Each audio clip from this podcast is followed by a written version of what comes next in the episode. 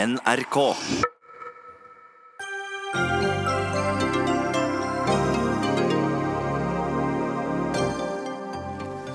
Riksrevisjonens rapport kritiserer Petroleumstilsynet. Det opptrer som oljeindustriens lakaier, sier Fredrik Hauge i Bellona. Storbritannia våkner opp til verdens mest utsatte bakrus, sier professor. Skjebnedøgn med brexit-avstemning i Underhuset i kveld. Ikke reis til Tyrkia, der regimet undertrykker egen befolkning, skriver Erling Folkvord. Reis og lær, svarer reiseguru. Og helseministeren lover på sjette året at psykiatrien skal prioriteres. Den årlige bløffen, mener Arbeiderpartiet.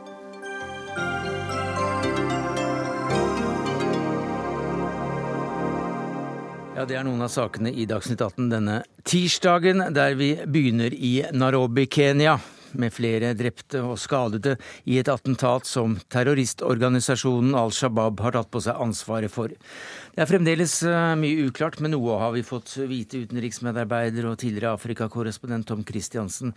Hva vet du hva som skjedde for snaue fire timer siden i Nairobi? Det var et terrorangrep fra Al Shabaab, det sier de selv. Eh, de angrep dette komplekset som består av en bank, forretningsbygg og et uh, hotell på den, uh, den uh, mer fasjonable siden av Nairobi. Folk rømte ut av området. Politi og soldater rykket inn. Og så er det uklart hvor mange som er drept. Først var det én, så var det tre, nå er det fem. Vi får se hva sluttallet blir. Eh, de har stormet dette hotellet og funnet en rekke eh, som hadde sjekka inn, som var væpna, og som man tror har vært med på denne aksjonen. Eh, så det kan godt være at det er store nyheter vi får utover kvelden. Men så langt så Politiet sier at aksjonen pågår. Det betyr at de etterforsker og tar beviser og andre ting. Men selve aksjonen er over. Soldatene har trukket seg tilbake.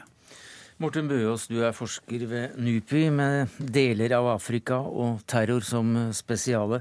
Myndighetene har altså ikke bekreftet eh, mye, men hva er det som gjør at dette ser ut som en ugjerning gjort av Al Shabaab? Ja, altså, det første er jo det at Al Shabaab har gjort krav på dette her. Og Al Shabaab har ikke noen sånn historie hvor de eh, prøver å ta æren for ting som de ikke har hatt noe med å gjøre. Så det er det ene som peker at dette er en terrorhandling. Det andre er jo at eh, hvis vi ser på tidligere Al Shabaab-handlinger i Kenya, altså fra Westgate til Garissa, så er det noe av, de, det er noe av det samme måten å operere på. Altså det å komme seg inn, prøve å få en eller annen form for kontroll over et objekt, et hotell, en skole, eller dette er et større kompleks. Og så holde det så lenge som mulig for å skape mest mulig oppmerksomhet, mest mulig frykt, men også øke tapstallene. Så det bærer på mange måter en del kjennetegn på en Al Shabaab-aksjon i Kenya. Det er bare en kort gangavstand fra dette hotellkomplekset og til Westgate shoppingsenter som ble angrepet i 2013. 67 ble drept. Er det noen likhetspunkter her? Ja, det er adskillige likhetspunkter. Fordi eh, det Al Shabaab her eh, oppnår, det er jo for det første å skremme folk fra å dra på ferie til Kenya og fe, turistene betyr mye for landet. Det andre er å skremme utenlandsk eh, finans fra å flytte til Kenya og etablere seg der. Du er ikke trygg. Da vil ikke folk investere pengene sine i et land hvor du selv ikke eh, kan regne med å overleve om noe skulle skje. Og alle er jo samlet akkurat i dette området. Der bor også alle journalistene etter hvert, fordi det er så god eh, dekning på internett. Og dermed så får de jo akkurat den oppmerksomheten som de trenger. Også i Dagsnytt 18. Men hva vil Al Shabaab i Kenya by oss? Ja, altså dette dreier seg jo om eh, først og fremst for Al Shabaabs del ikke Kenya, men Somalia. Og eh, det Al Shabaab prøver på når de gjennomfører aksjoner i Kenya og også i naboland som Uganda, så handler jo dette her om å prøve å skape en agenda øh, for å vise Kenya i dette tilfellet at det er kostbart å intervenere i konflikten i Somalia. Så dette er altså ganske klassisk den type terrorangrep hvor man ønsker å øke, øke kostnaden for sivilbefolkningen i, i, det landet som har intervenert i konflikten i Somalia. Du sier intervenert, altså har sendt militære styrker? Ja. altså Kenya har uh, sendt militære styrker inn i Somalia, og bl.a. Uh, klarte å fjerne Al Shabaab fra Kismayo, en havneby som de holdt lenge, som betød mye for økonomien til uh, Al Shabaab. Så dette her er en del av en langsiktig Al Shabaab-agenda om å gjøre det ekstremt dyrt for eh, Kenya å være til stede i Somalia. og Sånn sett må dette ses på som egentlig altså klassisk asymmetrisk krigføring, hvor det gjelder nødvendigvis ikke å vinne et slag, men å gjøre det å være til stede i en konflikt ekstremt kostbart for en motpart. Men hva er det Al Shabaab vil i Somalia, da? Ja, hva vil de? Altså, det langsiktige målet, i hvert fall vi skal tro på det de selv sier, så er det opprettelsen av en eh, islamsk eh, stat. Eh, hvor Al Shabaab ja, har kontakter til også hva skal man si, altså global jihad, men først og fremst ser det til å stå for en eller annen form for defensiv jihadisme, hvor det viktigste er å prøve å forsvare og utvide området sitt i Somalia, eh, som gjør at denne organisasjonen er først og fremst aktiv i Somalia og i nabolandene som, har, eh, som er deltakere i konflikten i Somalia. Hvor langt tilbake må du tid for å forstå det som skjer med Al Shabaab og, og Somalia? For å forstå det som skjer i Somalia i dag, så må vi i hvert fall tilbake til altså, sammenbruddet av den somalske staten tidlig 90-tallet, 91-92, og det kaoset som oppstår etterpå. Og så fremveksten av eh, noe som ble kalt for altså, domstolene, de islamske domstolene i bl.a. Mogadishu, som klarte å skape en viss grad av normalitet og kontroll, som så ble jagd fra makten av bl.a. en internasjonal koalisjon ledet fra Etiopia. Eh, Al Shabaab, Røttene til Al Shabaab finner vi i en ungdomsmilits knyttet til disse islamske domstolene, som så stadig ble med ytterligere radikalisert i løpet av den prosessen som har pågått. Er Al Shabaab populære i eh, Somalia? Veldig vanskelig å si altså, i hvilken grad de har folkelig støtte eller ikke. Men noe må de ha, i denne grad at de evner å overleve over tid. De evner å rekruttere over tid. De har holdt bevegelsen ved like over tid.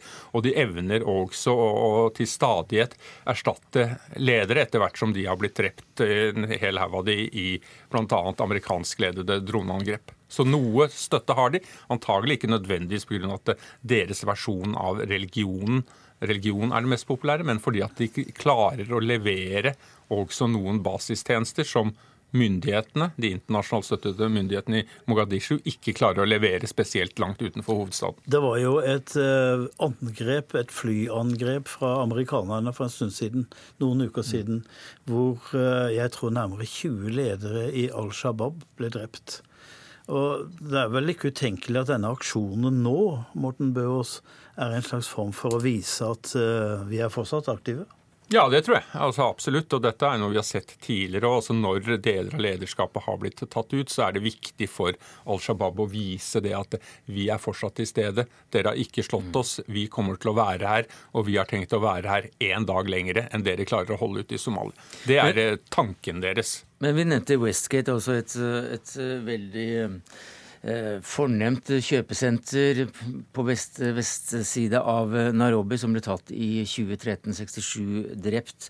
Eh, og dette er altså et slags lignende vestlig mål, hvis vi skal kalle det det. Men de har jo også gått løs på f.eks. Eh, universitetet i Garissa, der over 140 studenter ble drept. Og hjemme i Somalia så, så går jo løs på moskeer og, og dreper sine brødre muslimene absolutt flest.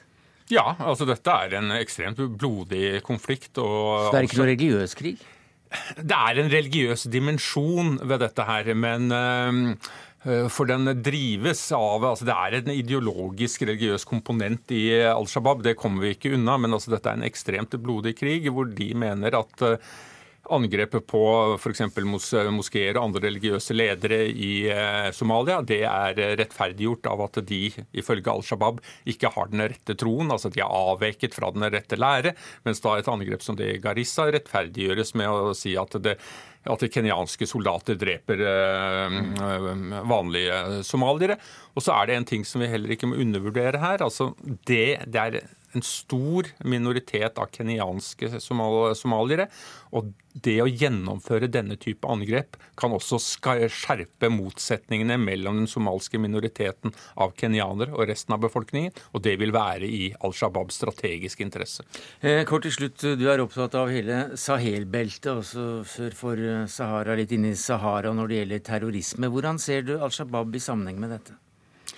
Ja, Al Shabaab er en del av dette større konfliktbildet i hele dette Sahel-beltet, som strekker seg fra vest til øst. Og I den gamle definisjonen av Sahel så er jo faktisk Somalia en del av, Sahel. Når det er sagt, så er det veldig lite som tyder på at det er sterke kontaktpunkter mellom Al Shabaab og det mylderet av ulike små jihadistbevegelser som opererer lengre vest i Sahel. Men at det er noen form for kontaktpunkter, spesielt via via nettmeldinger og den type ting. Det er det, men operasjonelt så opererer stort sett al-Shabaab alene. Og er det noen kontaktpunkter, så er det mer over til den arabiske halvøya når det gjelder det rent operasjonelle. Fem drept av det vi vet så langt. Man frykter at tallet skal stige. Takk skal du ha, Morten Bøås, forsker ved NUPI, og Tom Christiansen, utenriksmedarbeider her i NRK. Dagsnytt 18 alle hverdager kl 18.00 på NRK P2 og NRK2.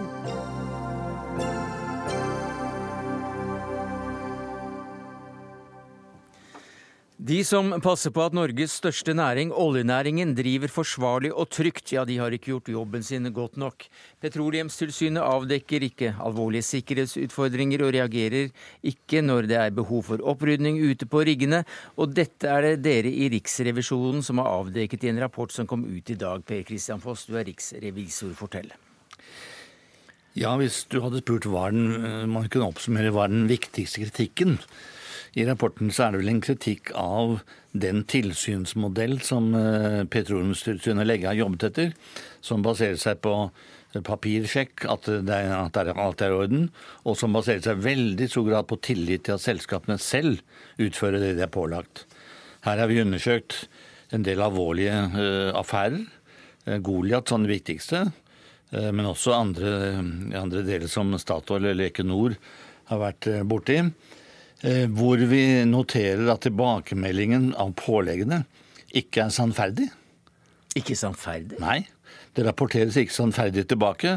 Og da er jo, kan man risikere at man gir tillatelse til å drive ting som ikke skulle vært gjort. Og det som er det mest skuffende, er jo da at Petroleumstilsynet ikke har en sjekk på at det selskapene sier er riktig. For i en presset situasjon på økonomi, og det er det nå i på hele sokkelen, så vet man jo at eh, det koster å vente. Det koster å gjøre tiltak. Så selskapene er altså i en situasjon der de kan ha økonomiske interesser av å eh, ta en liten kjapp en, for å si det sånn, eh, og ikke rapportere sannferdig.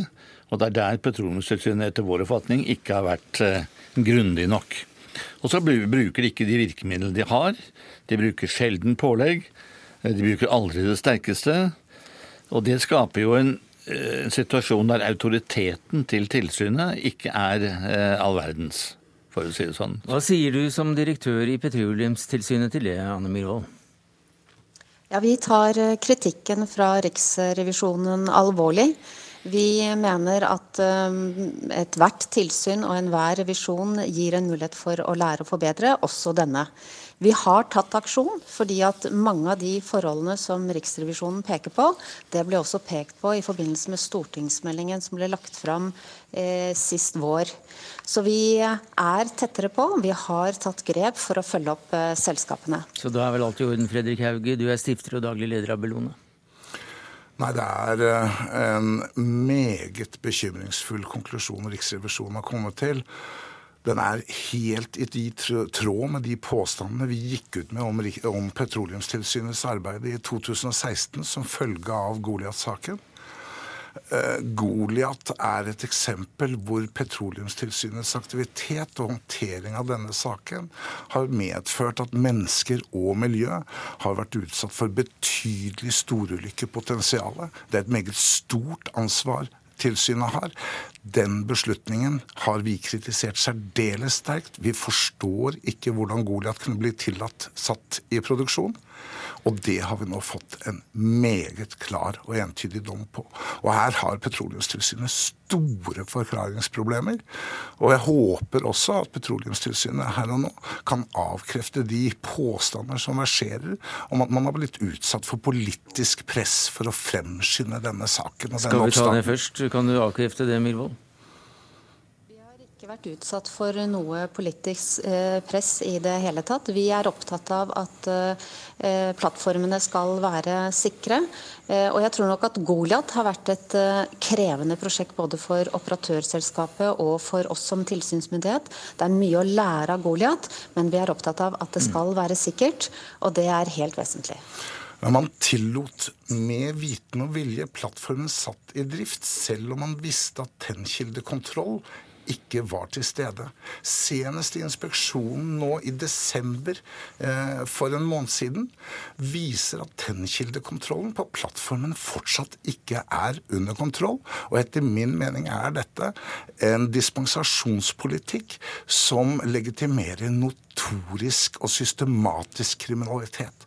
Petroleumstilsynet har hatt klare varsler fra 13 19.6.2016 på at det blir begått alvorlige ulovligheter med stor fare for ulykker. Når vi har prøvd å varsle, har vi blitt stigmatisert. Petroleumstilsynet har latterliggjort oss, og de har latterliggjort varslerne. Myhrvold? Ja, Vi er opptatt av å ta alle varsler på alvor. Det gjør vi også. Jeg tror Når det gjelder Goliat, å forstå den kompleksiteten det har vært knyttet til dette prosjektet, det er helt vesentlig. Vi har en modell i Norge i dag som er klar på at det er selskapet som har ansvaret for sikkerhet. Det er de som er der 365 dager i året. De er nødt til å ta det ansvaret. Vårt arbeid kommer i tillegg. Mm. Det er vel riktig at, at de som først og fremst har ansvaret, det er eh, selskapene selv. Det er helt riktig, Men når man ikke engang sjekker at de pålegg man selv gir, blir fulgt opp, da er man ikke tilsyn. Jeg kan, jeg kan, ja, hva sier du til det, Myhrvold? Hvis man ikke sjekker at disse opplysningene er riktige, så er man ikke tilsyn? Jo, vi sjekker flere av de kommentarene og de eh, avvikene som vi gir. Eh, når vi gir pålegg, så sjekker vi det, men vi men det, har samtidig et system at, at, at, Jeg må bare spørre om det er ditt inntrykk, Foss, at de sjekker? Det er et inntrykk at de har en kontakt med selskapet og basert seg på skriftlig eller muntlig meddelelse. Det holder ikke. Kan, kan jeg gi et, Myhrvold, du må nesten svare på det. Jeg vil nesten ha denne ferdig, så kan vi gå videre. Myhrvold? Ja, eh, vi er offshore og vi sjekker. Eh, vi gjør også papirgjennomganger, men vi er offshore og på landanleggene og sjekker om selskapene gjør det de eh, skal gjøre. Men vi sier samtidig, med de signalene vi fikk fra stortingsmeldingen og denne revisjonsrapporten, at vi skal gjøre dette i enda større grad. Men det er viktig å understreke selskapet sitt ansvar. Jo, det er bra. Det, jeg hører hva du sier, og det sier alle etter en revisjonsrapport. Nå skal vi bli bedre. Det gjenstår jo å se i praksis. Fordi at man må ta opp sin egen modell for tilsyn til revisjon. Jeg er ikke sikker på at den passer like godt i en kostnadskuttalder, eller tid, som det var i de glade dager med 100 dollar fatet. Så Det er det ene. Og det andre jeg vil påpeke, det er at eh, både vi og departementet burde vel eller Departementet burde vel tidligere ha sørget for at dere hadde mer enn halvannen stilling for å se på IKT på, på oljesektoren. For der er det mangel på ressurser, rett og slett, i eh, PTL, altså. Men Hauge, du vil inn? Nei, Jeg kan bare nevne et eksempel. at igjen Den til, siste tilsynsrapporten fra Goliat nå i desember den gir ikke en oversikt lenger, som man gjorde tidligere, på hvor stort etterslep det er i antall arbeidstimer som, som kreves for å få denne plattformen. Og det at Petil ikke tar med det plutselig i en rapport, er et typisk bevis på manglende systematikk. Men det er altså aldri fra Petroleumstilsynet ilagt ett overtredelsesgebyr, en foretaksstraff. De har aldri anmeldt noen. Det er det bare vi som har gjort. Det som avsløres her Og Goliat er et eksempel. Nå er ikke Yme gransket. Jeg mener det er blitt begått like store alvorlige feil fra Petroleumstilsynet i den saken. Jeg mener at Mongstad i dag går på dispensasjoner. Det er betydelig storulykkefare. Petroleumstilsynet griper ikke inn. Det at man er blitt så mye bedre, det er totalt sprengt kapasitet. Goliat-saken har vært så stor at den har gått utover de andre sakene. Er det fare for at vi kommer til å sitte her eh, flere ganger, eh, Myhrvold, og, og snakke om at omfanget bare øker og øker? Jeg tror det er helt vesentlig å ta en liten fot i bakken og få klart for oss hvordan det står til med sikkerhetsnivået på norsk sokkel og på landanleggene. Det er svært høyt, både når vi sammenligner det med landindustrien og når vi sammenligner oss med tilsvarende men, men, men, eh, industri eh, i utlandet. Og det er vesentlig å vite at vi har hatt en modell som har eh, medvirket til å få kontinuerlig forbedring, sånn at vi har et høyt nivå. Vi skal ikke hvile. Vi skal stadig forbedre oss, men vi må, vi må være klar på at det er et svært godt uh, sikkerhetsnivå uh, offshore. Dette er en total systemsvikt. Her har man gått gjennom noen enkeltsaker. Konklusjonen er knusende. Vi kan legge til saker som da Yme-plattformen. Eh, håndteringen av Gullfaks-saken. Saken er meget omfattende. Her må alt endevendes. Måten Petroleumstilsynet har møtt kritikk på de siste årene, har vært svært alvorlig. Det er vanskelig å varsle til Petroleumstilsynet. Man blir avfeid og stigmatisert. Den holdningen Myhrvold legger til grunn her, har hun med seg fra oljeindustrien, med sin bakgrunn på Valhall-plattformen, som var kjent fra dårlig sikkerhet. Vi må ha en total endring av Petroleumstilsynet. Dette er systemsvikt. Ja, for jeg ser at eh, du har sagt at eh, tilsynet opptrer som oljeindustriens lakeier. Ja, det er helt oppsiktsvekkende hvordan Equinor f.eks. i Songa Endurance-saken begår lovbrudd på lovbrudd på lovbrudd, og dette ikke blir påtalt. Det samme med Eni. Når man har hundrevis av dispensasjoner, så får man en situasjon hvor man ikke har noen autoritet, og hvor man bare fungerer legitimerende på oljeindustrien. Jeg er svært bekymret. Myhrvold? Ja, Vi tar kritikken fra Riksrevisjonen på alvor, men samtidig så er, har altså Riksrevisjonen sett på en liten del av det vi gjør. Det er forbedringspunkter, og vi jobber med det. Eh, men jeg er samtidig helt, eh, det er helt avgjørende at eh, man forstår den ansvarsplasseringen som er for å forbedre sikkerheten.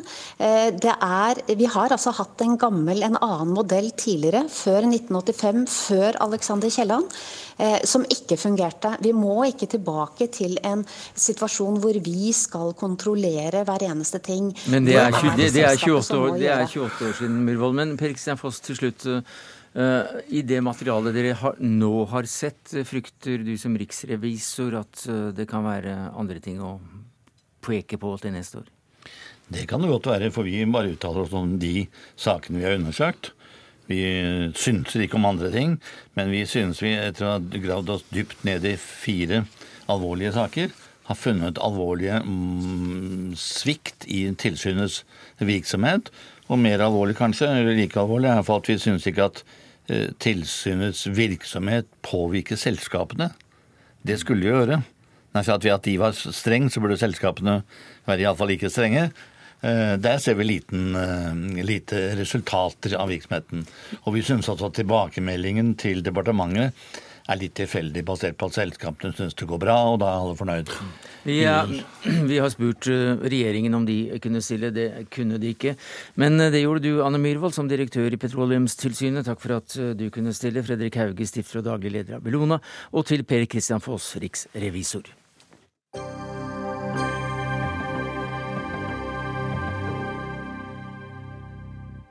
Storbritannia er inne i et skjebnedøgn. Landet står eh, overfor en av sine viktigste politiske avgjørelser siden andre verdenskrig, er det sagt. Og sent i kveld skal Underhuset ta stilling til skilsmisseavtalen som er forhandlet fram med EU. Usikkerheten er stor, mange frykter politisk kaos etter kveldens avstemning. Og Øyvind Nyborg, London-korrespondent, du følger dramaet tett, og vi snakket med deg i går. Da konstaterte du allerede at dette ikke går veien for statsminister May. Hva sier du i dag? Det skal et mirakel til om hun klarer å vinne denne avstemningen. Spørsmålet er jo egentlig bare hvor stort nederlaget blir, og hva som skjer etterpå. Ja, hva skjer etterpå? I første omgang så blir eh, May tvunget eh, til å komme tilbake til eh, parlamentet innen mandag og komme opp med en plan B. Men det er klart at hvis nederlaget er veldig stort, så er det jo også en mulighet for at hun kan komme til å gå av. Men det er det ikke sikkert hun gjør. Normalt sett så ville kanskje en statsminister gjort dette, men det er ikke normale tider. Det høres ut som Unnskyld at jeg avbryter deg. Det høres ut som det er full fest bak deg. Er det sekkepiper vi hører? Nei, altså her er det en blanding av litt sånn febrilsk, desperat stemning. Det er eh, folk fra begge leire, ja- og nei-side.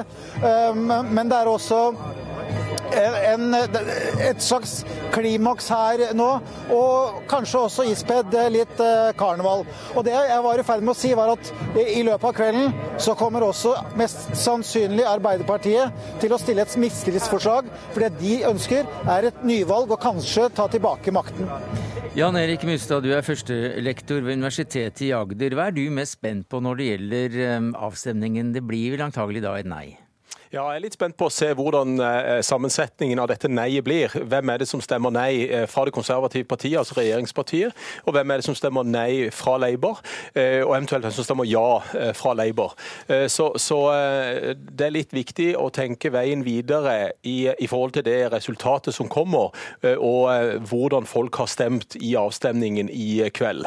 Og Det er jo den, den første kanskje utfordringen her i forhold til det som Øyvind nå er inne på fra London størrelsen på nederlaget. For, for, det er det vi snakker om nå. Og Den siste prognosen til Sky News sier at eh, hun ligger an til å faktisk eh, tape med mer enn 220 parlamentsmedlemmer. Og det er et enormt nederlag. Ja, Hva vil det da gjøre med, med politikken videre hvis nederlaget blir såpass markant? Ja, Det er jo det vi ikke vet.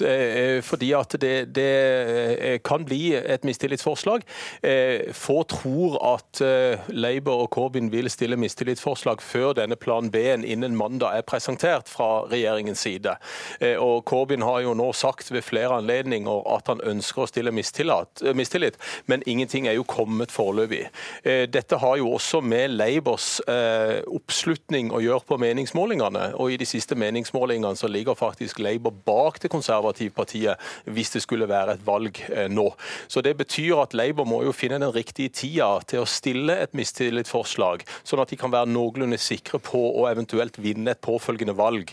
Eh, og Det er ikke Labour for øyeblikket. Så eh, vi tror nok eh, foreløpig at de prognosene kanskje slår til, at det er over 200 parlamentsmedlemmer som vil stemme mot statsministerens plan, og at vi da kanskje venter på en plan B enten fredag eller mandag, og at det vil kanskje sette standarden for veien videre, og hva som blir de farbare veiene og alternativene fremover.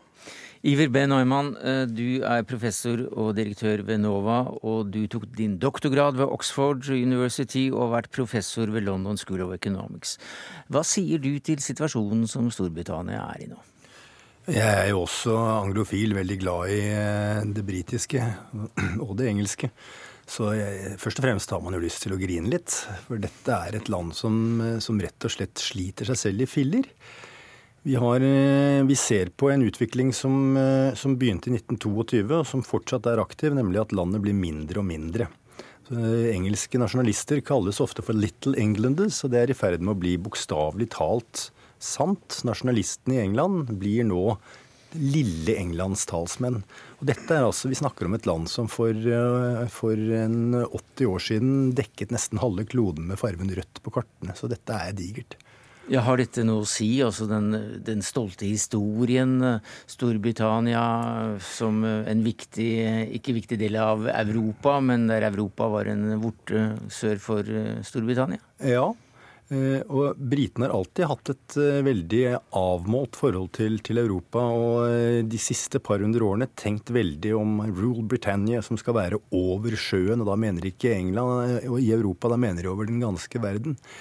Og jeg tror dette er en utsatt reaksjon på den storheten man hadde. Jeg tror eh, man må huske at for mange mennesker så er det å være del av et politisk prosjekt noe som definerer dem som mennesker. sånn at når det går dårlig for det politiske prosjektet, så er det som når det går, dårlig for fotballaget ditt, eller hva det nå kan være. Man, det blir et identitetsspørsmål. Så her ser vi altså at den ene halvdelen av det engelske folk har bestemt seg for at Englands identitet og fremtid ligger i Europa, den andre har det ikke. Og så tørner man sammen, og man klarer jo nesten ikke å snakke sammen lenger. Det er blitt mer og mer ampert. Dette har jeg sett fra uke til uke da jeg jobbet der borte. Men det er også da en halvdel, og vel så det som da vil ut, i hvert fall av de stemmeberettigede som brukte sin stemme ved folke, folkeavstemningen. Eh, Anette Groth, hvilken halvdel snakker vi om som, som nå syns at dette er for galt? At man skal ut, mener du? Eller? Mm. Ja, Det er jo ganske mange som for det første stemte for å bli i unionen i eh, folkeavstemningen.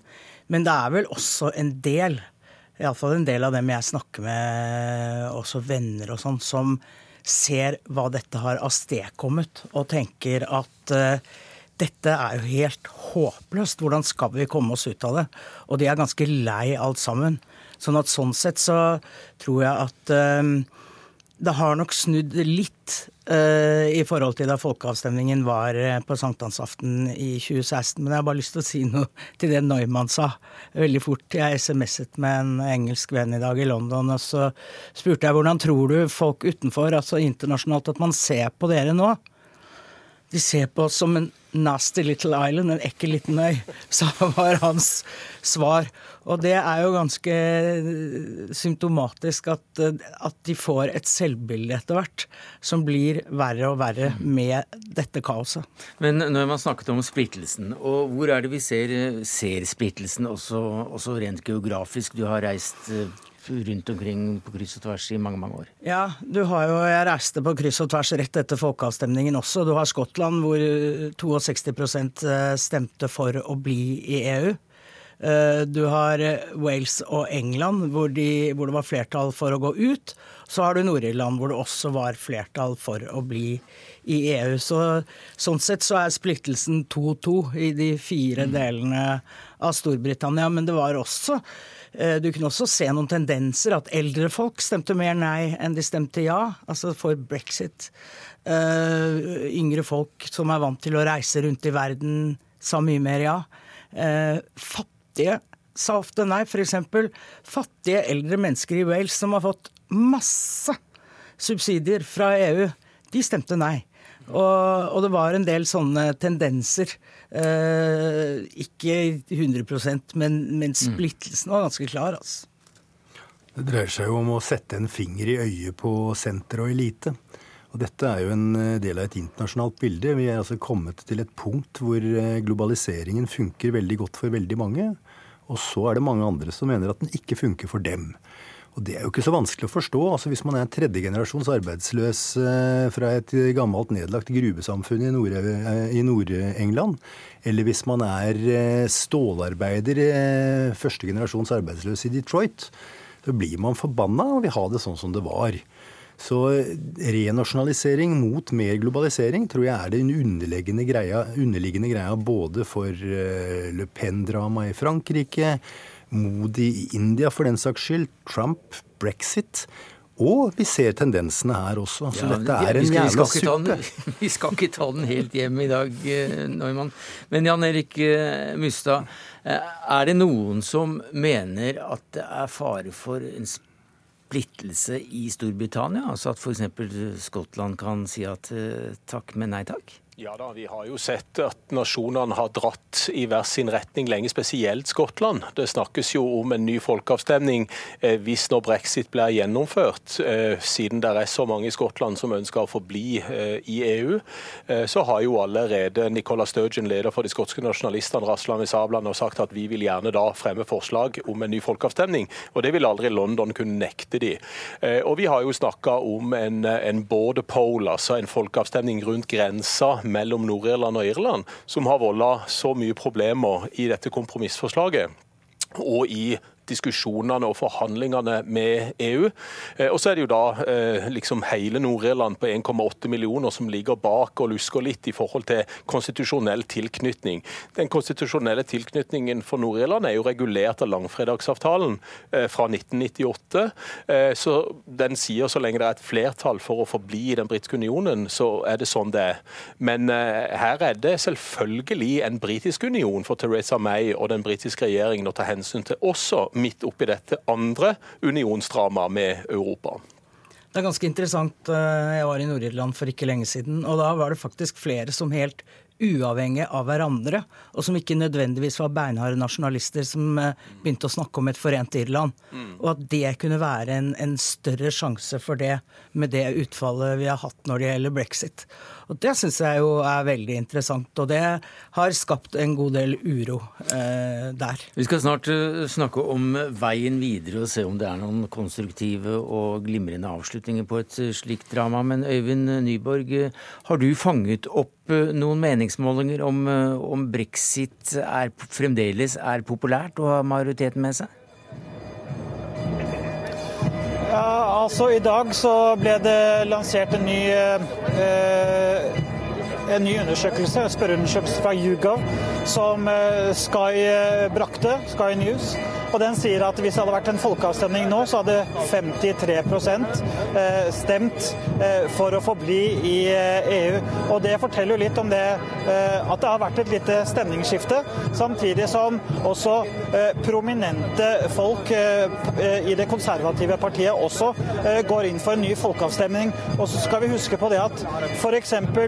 hvis Arbeiderpartiet ikke får gjennomslag for mistillit og et nyvalg, så kan også de bli tvunget til å gå inn for en eh, ny folkeavstemning, og da kan det bli en realitet. Men uh, Mustad, uh, lederen for Arbeiderpartiet er jo ikke veldig stor tilhenger av EU, så hva slags suppe er dette da? Nei, Det er jo en suppe som han sjøl sitter midt i. fordi at Som leder av Labour så har jo parlamentarikerne i Labour sagt at han er nødt til å, å støtte forbli, altså å forbli i EU, mens han sjøl personlig er for brexit. Og Det gjorde jo at han ble heftig kritisert bl.a. av undertegnede i brexit-valgkampen i 2016 og at han ikke klart nok tok eh, et standpunkt eh, for å forbli i EU. Han ville ikke dra på valgkamp f.eks. sammen med David Cameron, eh, og han var veldig nølende i de områdene som Labour står sterkt i, for å fremme dette forbli-budskapet som han kanskje burde. Så han er ambivalent, og nå er det mange som er ambivalente i Storbritannia.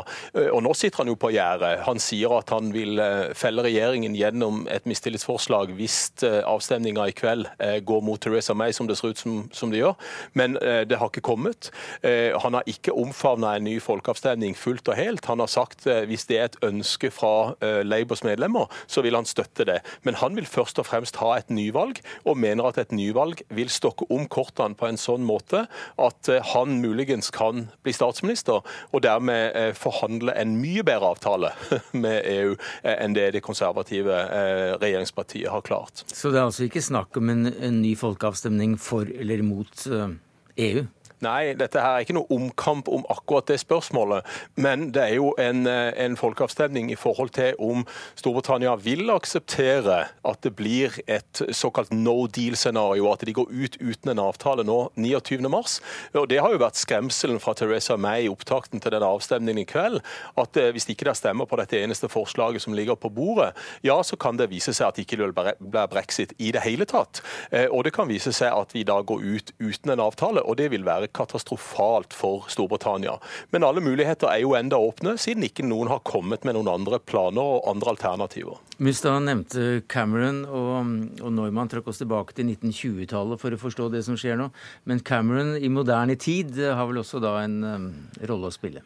Ja, altså David Cameron satte jo i gang dette her. Og det store som skjedde, var jo at det fantes ingen plan B. Jeg har hørt det fra britiske diplomater, jeg har hørt det fra andre. Man hadde altså ikke laget en plan for hvordan dette skulle ende hvis det ble nei. Og da, Hvordan går det an å holde et, en folkeavstemning på det grunnlaget? Jeg hørte om David Cameron, Cameron og han sitter et sted uh, og driver med noe veldedig arbeid, men at han hadde sagt til noen kamerater at han kunne tenke seg å komme tilbake i britisk politikk, f.eks. som utenriksminister. Mm.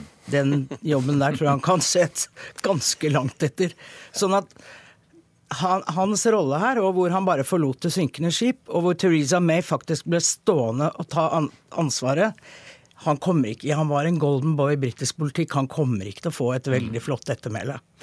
Iver B. Neumann, hvis vi skal la følelsene slippe helt fritt her, hvor, hvor, hva tenker du om fremtiden for din, ditt elskede Storbritannia? Da jeg så resultatet, det er, vel, det er vel over to år siden nå, så vidt jeg husker, at, at Storbritannia skulle ut av brexit, så var jeg som nordmann klar for at det kunne skje. Og vi skal jo huske at vi hadde heller ikke noe plan B i 72 da, da Norge sa nei til EU eh, første gang. Men jeg tenkte at dette her, dette kommer til å ordne seg. For det er én ting den britiske politiske klasse tradisjonelt er god på, og det er pragmatisme. Altså ta ting som de kommer. ikke sant? Og det viser seg jo at, at det har de ikke klart. Altså, Denne avstemningen har brakt inn en ny og veldig hardtslående og fiendtlig politikk. Altså, Det blir skutt ned en, en, et member of parliament. Det er første gang på mange tiår at det har skjedd. Nå er det trusler igjen. altså det er Vold er på vei inn i politikken på en måte som vi ikke har sett siden situasjonen i Nord-Irland på 70-tallet. Og så Jeg har vanskelig for å se at Storbritannia går ut av, av, av EU. EU er så tett sammenknyttet at det, prisen for å gjøre det er enorm. Men hvis folk først har bestemt seg og ikke vil se verken til høyre eller venstre, så, så, så, hjelper det jo ikke at den rasjonelle situasjonen er sånn. Da vil de ut uansett. Men uansett så vil jo denne splittelsen også forbli der. Om man forblir inne, så vil jo ikke de har, den harde kjerna av, torrier og enkelte andre eh, gi seg og si at ja, ja, det er fint i EU. Hvis man, eh, hvis man, går ut, så vil jo ikke det Europa vente, og der er det flertallet av unge, som eh, Anette Groth var inne på. Vil jo ikke gi seg. Så her har man altså klart å, å splitte nasjonen på en veldig veldig vond måte, som gjør at eh, den, de kampene vi hadde i 94, ser små ut i forhold. Øyvind Nyborg, når er det avstemningen er avsluttet og resultatet klart? Ja, Nå skal det være en del, eh, i hvert fall fire avstemninger i, først. Og det tar minst én eh, time, så kanskje ved halv ti-ti-tiden eh, norsk tid at vi vet hvor eh, dette bærer. Og det vet vi vel kanskje, fordi det blir et nei. Takk skal du ha, Øyvind Nyborg i London, til Jan Erik Mystad og Iver B. Neumann, Anette Groth.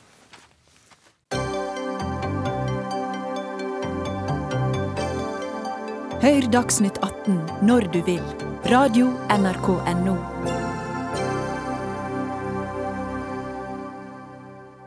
Hvorfor bør ikke folk legge ferieturen til Tyrkia, Erling Folkvord? Aller først, jeg unner virkelig folk eh, som har levd eh, norsk vinter, å få en eh, fin middelhavsferie til sommeren. Men hvorfor bør de ikke dra til Tyrkia? Eh, fordi at eh, Tyrkia er i dag et eh, terrorregime. Og eh, det er altså det, det torturskrikene fra tyrkiske fengsel. De når ikke fram til der turistene er. Men eh, det er slik nå at etter det militær, eller kuppforsøket i 2016, så har eh, tortur blitt vanligere og vanligere i tyrkiske politistasjoner og fengsel. Og det er det er også et land som, eh, som altså det, det landet som har flest fengsla journalister i hele verden. Det er ja. Og så er du opptatt av kurdernes mm. situasjon som, eh, som, leder for solidaritet med Kurdistan. Og du skrev i et debattinnlegg i Dagbladet i dag at turistinntektene er som smøring for krigsmaskineriet til lederen så, og styrker hans grep, grep om makta. Ja, det er jo slik nå at uh, statsøkonomien er det dårlig i Tyrkia. Altså det, det er økonomisk nedtur. President Erdogan har trøbbel. Og det at han nå fører krig mot i de kurdiske delene av både Syria og eh, Irak krig, altså Folkerettsstridig krig i to naboland, det, det koster veldig mye penger. Mm. Han, han, er, han, er, i krise. turistinntektene vil komme godt med. Dagbladet kunne ikke komme, men Jens A. Risnes, eh, forfatter og reiseguru, du er med oss. Og bør folk reise til Tyrkia? Ja, etter å ha hørt eh, den gamle venstreekstremisten uttale seg om, eh, om verden utenfor, så, så, får man jo det inntrykket at det må man da slett ikke gjøre av normale moralske anfektelsesgrunner. Men dette er jo bare tull. Det, det som er grunnlaget for synsingen hans når det gjelder uh, Tyrkia.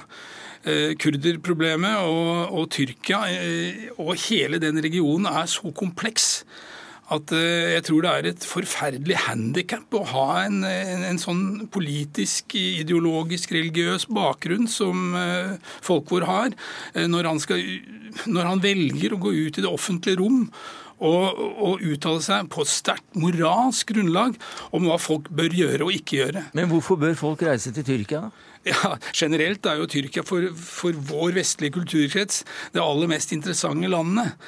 Det, er, det, omtales jo allerede i første Mosebok, og så slutter det ikke før man nærmest eh, ser at eh, Johannes, som skrev den sinnssyke åpenbaringen, eh, ser i siktigt veder Tyrkiakysten, den dagens Tyrkiakyst fra Patmos. Det er altså ingen landområder i hele verden, og da kan jeg også ta med den østlige verden, som har så eh, tett som er så tett eh, bevokst med eh, kulturminner av, av ypperste klasse. Og det er nødvendig også å forstå dagens verden å reise til, til, sånne områder som Tyrkia, som Anatolia, for å forstå vår egen historie. For å forstå dagens virkelighet. Sånn at eh, her er det, er det, mye som ikke går opp. Det er en, det er en ligning med mange holdt på å si, kjente ukjente som overhodet mm. ikke går opp i, i folkvårs matematikk her. Ja, takk skal du ha, Risnes. Du vet eh, sikkert mer om eh, den mangfoldige og multikulturelle historien gjennom mange tusen år i Tyrkia. Men altså det, det her er et det er flerkultur, en flerkulturell stat med mange lange kulturtradisjoner. Opprinnelig mange, mange språk. Altså, det er alle grunner til å holde kontakt med folk i Tyrkia. Men allikevel bør de ikke reise dit? Nei, altså, i, Reis gjerne til Tyrkia. Solidaritet med Kurdistan. Eh, arrangere mm, solidaritetsturer til østlige deler av Tyrkia. Vi sender valgobservatører. Men eh, middelhavsferie i, i Tyrkia, det vil i dag fungere som eh, en økonomisk støtte til eh, et eh, krigersk regime. Vi bør unnlate det. Altså, de pengene du legger igjen på stranda, de blir smøring i krigsmaskineriet. Risnes? Nei, det der det holder som sagt ikke. Det, det er god nok økonomi i, i, det landet. Eh, det er fortsatt god økonomi i Tyrkia. Eh, det har vært en enorm uh, vellykket vekst, og det er en av grunnene til at, det er selve hovedgrunnen til at Erdogan er blitt gjenvalgt.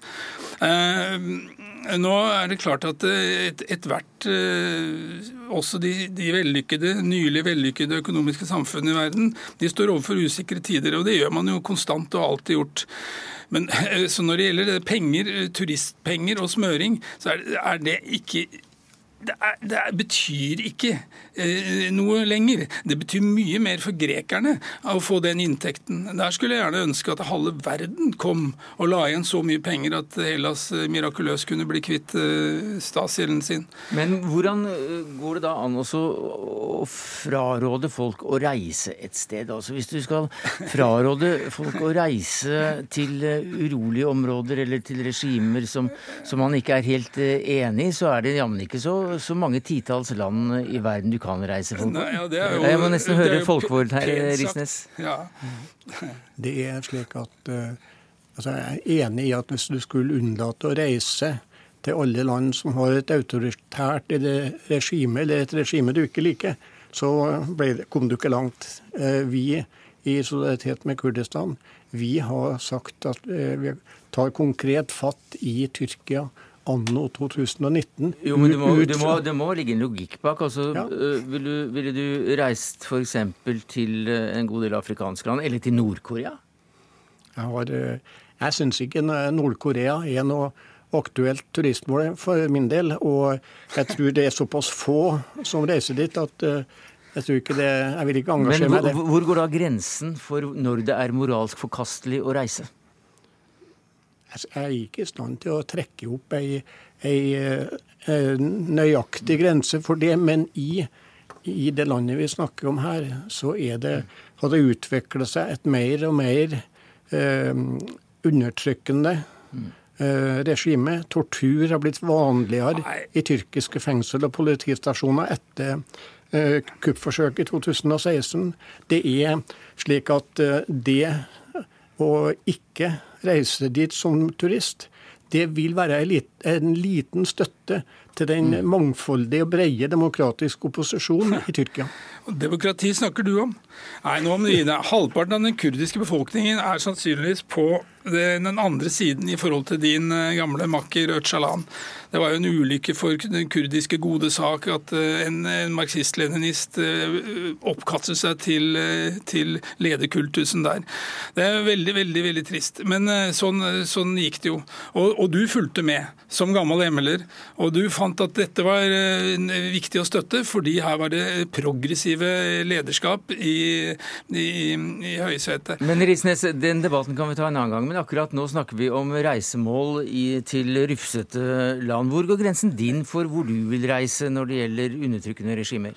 Jeg trodde faktisk et øyeblikk etter jeg var kommet hjem fra Nord-Korea at den gikk eh, der. Men så kom jeg senere hen til å tenke, og det var delvis eh, som følge av en utmerket eh, kronikk i New York Times. Um,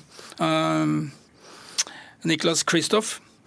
Eh, At jeg fant ut at nei, selv der var det tross alt eh, greit, eh, ikke helt greit moralsk selvfølgelig, men praktisk greit. Og, og, og, og ikke vifte med, med det røde lyset. Fordi at eh, disse folkene i Nord-Korea som er, er så undertrykt som ikke noe annet eh, folk i, vi kjenner i menneskenes eh, politiske historie, de har også en viss eh, skal vi si, glede av at det kommer folk utenfra. Eh, For de vet i hvert fall da at eh, kanskje noen av dem eh, som ser det de skal se, skjønner hva som egentlig foregår. Så da kommer Jens Arisnes og- og med å prøve å finne ut hvor grensen går for hvor man skal reise eller ikke. Takk skal du ha, Erling Folkvord, leder av Solidaritet med Kurdistan. Jens Arisnes, reiseguru og tidligere medarbeider i reisemagasinet Ut i verden. Takk skal dere ha. Thank you. Kortere ventetid, eh, pakkeforløp og digitalisering, ja dette skal gjøre at pasienter blir raskere friske i psykiatrien. I alle fall ifølge helseminister Bent Høie, som tidligere i dag holdt sin sjette sykehustale. Og der lovet han igjen at eh, psykiatrien skal prioriteres foran somatikken i sykehuset. Den årlige bløffen har opposisjonen kalt eh, dette her. Og hvordan i all verden kan dere si det, Ingvild Kjerkol, du er helsepolitisk talsperson i Arbeiderpartiet?